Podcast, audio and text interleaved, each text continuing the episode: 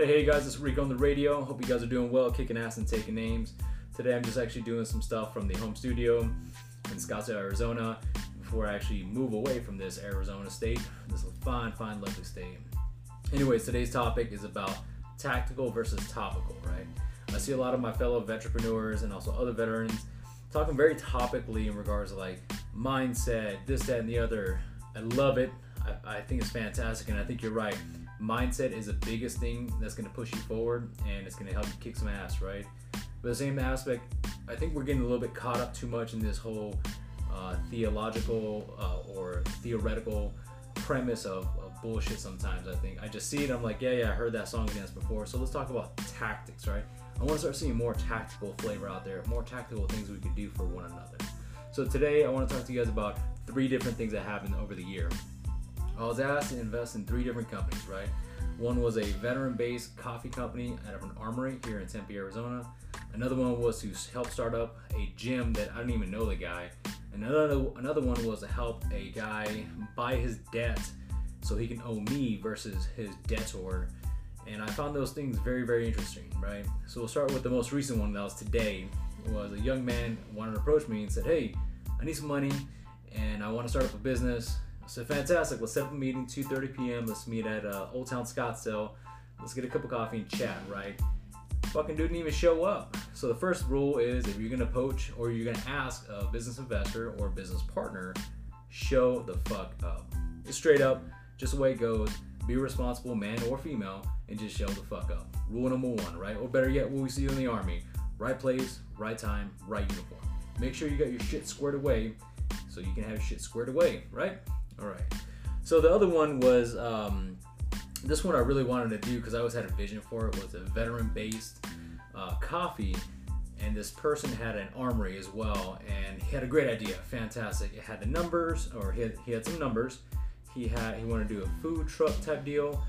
And I liked the idea but the numbers just weren't there. Even when I saw the numbers in the coffee shop that it was at uh, it was no visibility no location and only sold one type of brand of coffee which is fine. You want to be a Starbucks, you of the of the veteran community, you want to sell one brand of coffee. That's fantastic. I personally think this is just my opinion now. A lot of people might not like it. Is that you might need to diversify that and change it up. I personally would like to see a coffee cup or a coffee company, right? A veteran-based coffee company with multiple of those coffees. Um, you can be the one sole proprietor of selling whatever the hell you want coffee company versus this other one, but I think you're to narrow it down pretty quickly. I think it, we as veterans should actually be supporting each other and saying, hey, why don't we carry this brand, that brand, and this brand? Just keep it at three, right? Why not? And um, what I found that very interesting that even though the numbers were produced, um, the business field just wasn't there. There was no traction. He wanted like 15 grand for a food truck, and I'm thinking Arizona, people are very hoity-toity sometimes, especially in North Scottsdale. They just want their coffee and go, so you might as well let them stick to their Starbucks. I think this would be great at different locations, right? Uh, you know, car shows, veteran communities, uh, this, that, and the other.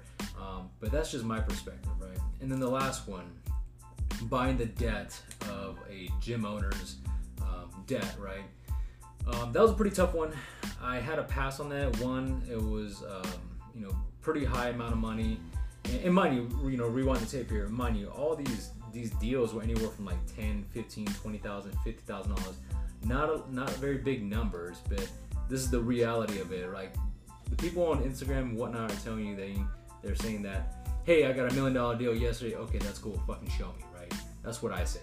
Uh, me personally, I was approached by a specific individual that I respect quite a bit in regards to their um, their debt, and what I've realized pulling away from that deal was I didn't invest in it. I didn't buy their debt. It just made me realize a lot of these you know guys specifically just have piss poor management, you know, money management skills, and that kind of disheartens me, right? And mind you, I've made some piss poor money decisions in my life, and I know Jesus Christ myself.